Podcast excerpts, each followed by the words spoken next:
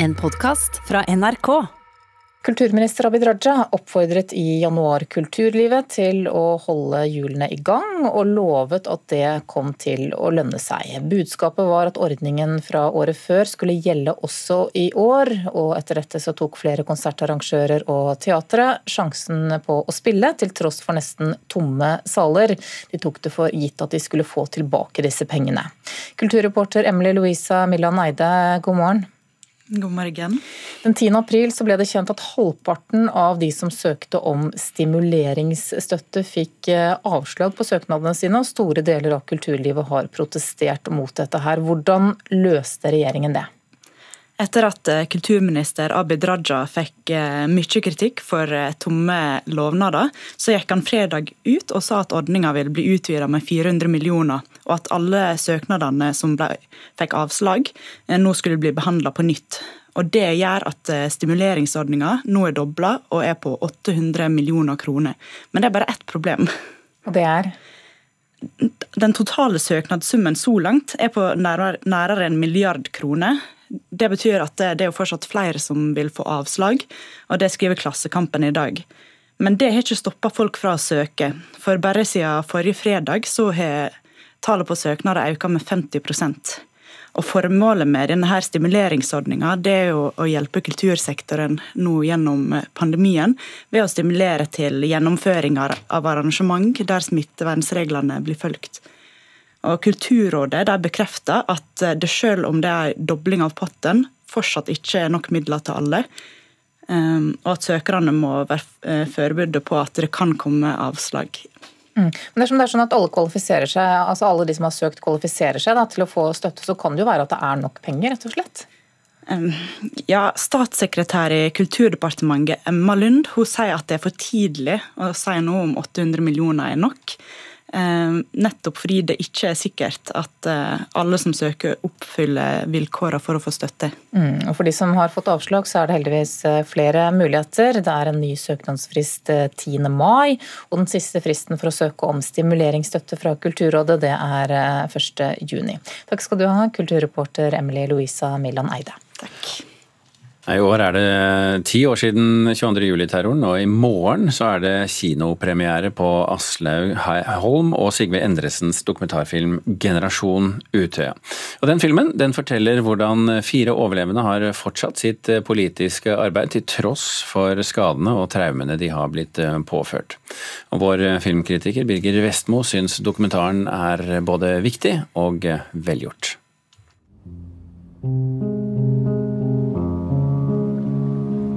Det har jo gjort noe med meg å bli forsøkt drept for det jeg står for og det jeg tror på. Jeg visste tidlig at jeg måtte svømme fordi det føltes mindre vondt å drukne enn å bli skutt. Generasjon Utøya skildrer hverdagen til fire av de som overlevde massakren 22.07.2011. De imponerer med sitt mot og sin pågangsvilje, til tross for traumene de bærer på og hatet de fremdeles utsettes for.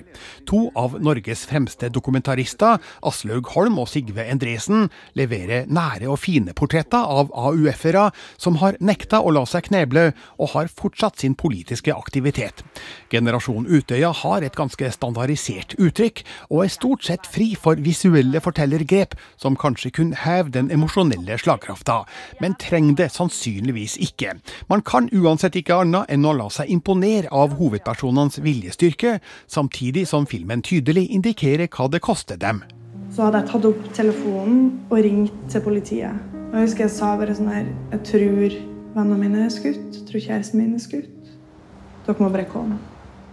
Tidligere AUF-leder Ine Libak sier noe vesentlig innledningsvis, nemlig at det er tøft for traumatiserte ungdommer å ta ansvaret for å føre organisasjonen videre, og samtidig gi landet et slags håp.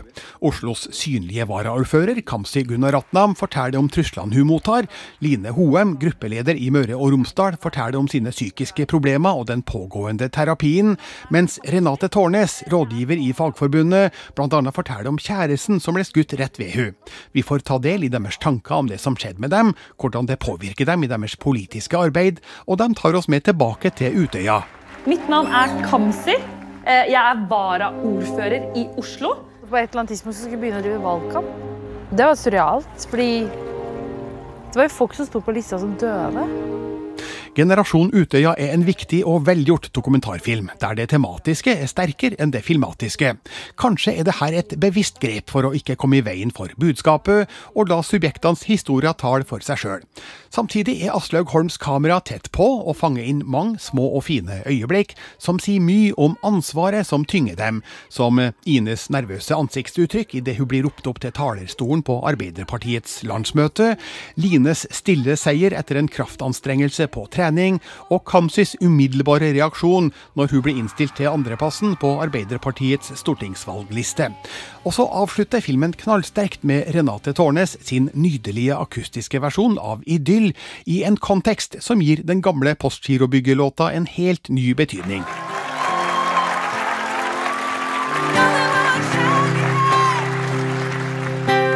Minner som aldri vil dø.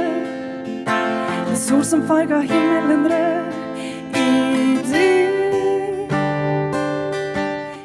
Terningkast fem.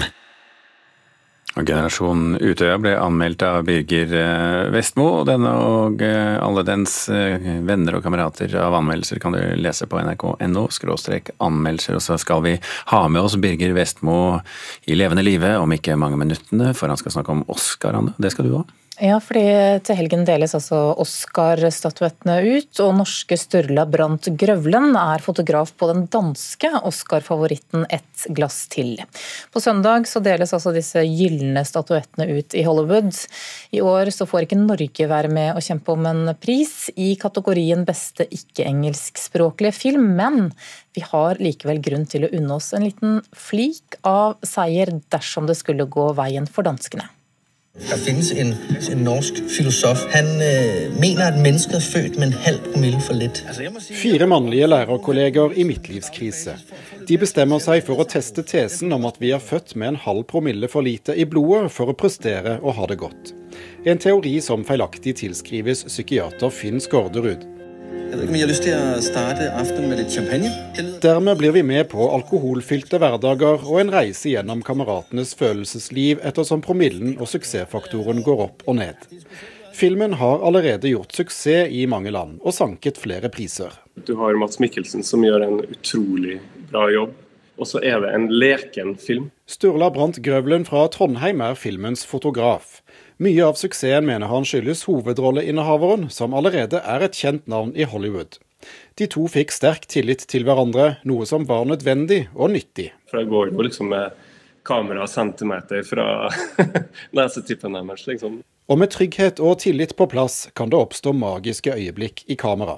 Det er nesten som om kan, jeg kan forutse hans eh, bevegelser, han vet nøyaktig hvor jeg er, selv om han ikke kan se meg. og, og og vi agerer på hverandre. Um, og han kan komme med et lite blikk, og akkurat når jeg tenker at Mats, ta et lite blikk til høyre, sånn at jeg kan se øyet ditt, så, så gjør han det fordi han vet at jeg står der og, og kan nesten føle at jeg søker det.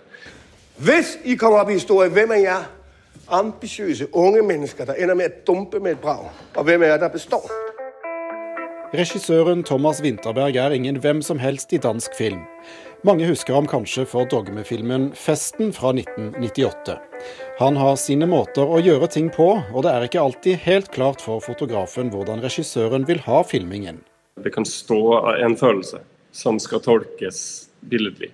Så det er en lang prosess liksom, å liksom forstå alle de små setningene og ordene på papiret. Hva er det egentlig regissøren eller manuskriptforfatteren og regissøren har lyst til å formidle med det her, og hvordan skaper vi det i kamera. En tragedie skulle vise seg å prege innspillingen, forteller Sturla Brandt Grøvlund.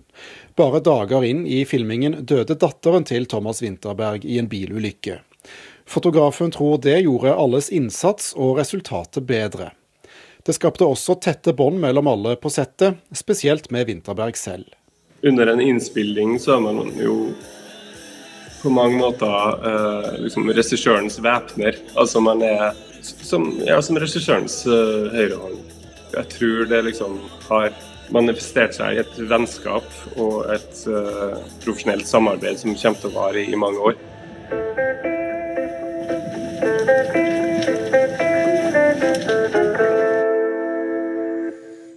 Det er også flere norske navn i denne filmen Ett glass til. Maria Bonnevie spiller nemlig kona til Mats Mikkelsen, og Anna Øster, Anne Østerud har klippet filmen. Og hvordan Finn Skårderud, som altså tilskrives teorien om for lite promille i blodet, forholder seg til denne danske filmsuksessen, det kan du se i Lørdagsrevyen her i NRK på lørdag. Reportere i saken det var Thomas Alvarstein Ove og Alexander Fredriksen Sylte. NRKs filmkritiker Birger Vestmo, god morgen. God morgen, god morgen. Kan vi få fasiten nå? Kommer eh, et glass til til å vinne? Ja, det tror jeg faktisk. Den har jo allerede vist eh, styrke ved å vinne en britisk BAFTA-pris, en fransk Cæsar-pris og hele fire European Film Awards. Mats Mikkelsen, som vi hørte Grøvlen lovpris her, han var jo i tillegg lenge en het kandidat til en skuespillernominasjon. Eh, det gikk ikke, men Thomas Winterberg er jo faktisk Oscar-nominert som eneste regissør fra den internasjonale filmkategorien. Og hvis vi ser hva amerikanske synsere og bookmakere ikke minst tror, så har også også dem ett glass til som en klar favoritt i denne kategorien, så jeg tror det går veien. Hmm. Vi kan jo snakke om denne norske dokumentaren også, om eh, demokratiforkjemperne i Hongkong. Den er jo også nominert i sin eh, klasse. Hvem, hvilke filmer er det den må, må vinne over for å få en statuett? Ja, Den har fire mednominerte som jeg ikke har sett, dessverre. Men det virker som de forteller sterke historier. Eh, nemlig Colette, om et tidligere medlem av den franske motstandsbevegelsen. Vi har A Concerto Is A Conversation om jazzmusikeren Chris Bowers og hans families eh, fortid. Hunger Ward eh, handler om sykepleiere som bekjemper hungersnød i Jemen. Og den siste nominerte er A Love Song for Latasha om en 15-åring som ble drept under opptøyene i Los Angeles i 1991. Men også Do Not Split er sterk og engasjerende om eh, disse demokratiforkjemperne i Hongkong i høsten 2019, så man får tro det er håp. Det liker jo ikke kinesiske myndigheter, som skal ha instruert kinesiske medier om å begrense dekninga av årets Oscar-utdeling. Vi vet at TV-stasjonen TVB i Hongkong skal ikke sende årets show for første gang på 50 år. og De fleste tror nok at det er delvis pga. at kinesiske Chloé Shao, som er kritisk til kinesiske myndigheter, er nominert for beste regi, men også pga. Anders Hammers nominasjon. Og alt som vil, kan jo se hvorfor i NRK TV, for der ligger Do Not Split ut nå. Mm. Apropos Chloé Zhao, hun er jo altså regissøren da bak filmen 'Nomadland', eh, som eh, også har vunnet eh, priser og fått mye oppmerksomhet. Er, det, er, er den en av de som soper inn nominasjoner, Birger?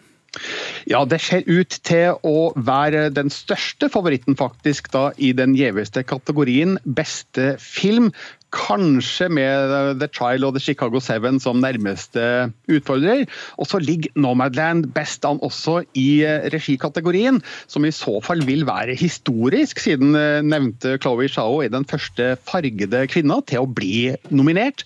Eh, den kan også få en Oscar i kategorien for beste kvinnelige hovedrolle, Frances McDormand, sjøl om hun har skarp konkurranse fra bl.a. Viola Davis da, for Netflix-filmen Ma Rainey Miss Black Bottom. Og så kan jeg jo nevne da eh, herrekategorien, der avdøde Chadwick Boseman har vært favoritt som beste mannlige skuespiller etter eh, triumfen under Golden Globe-utdelinga i februar. Men etter at Anthony Hopkins vant en BAFTA for hovedrollen som dement far i The Father, så er også han nå en het kandidat. Så det kan jo bli litt spenning da i utdelinga natt til mandag.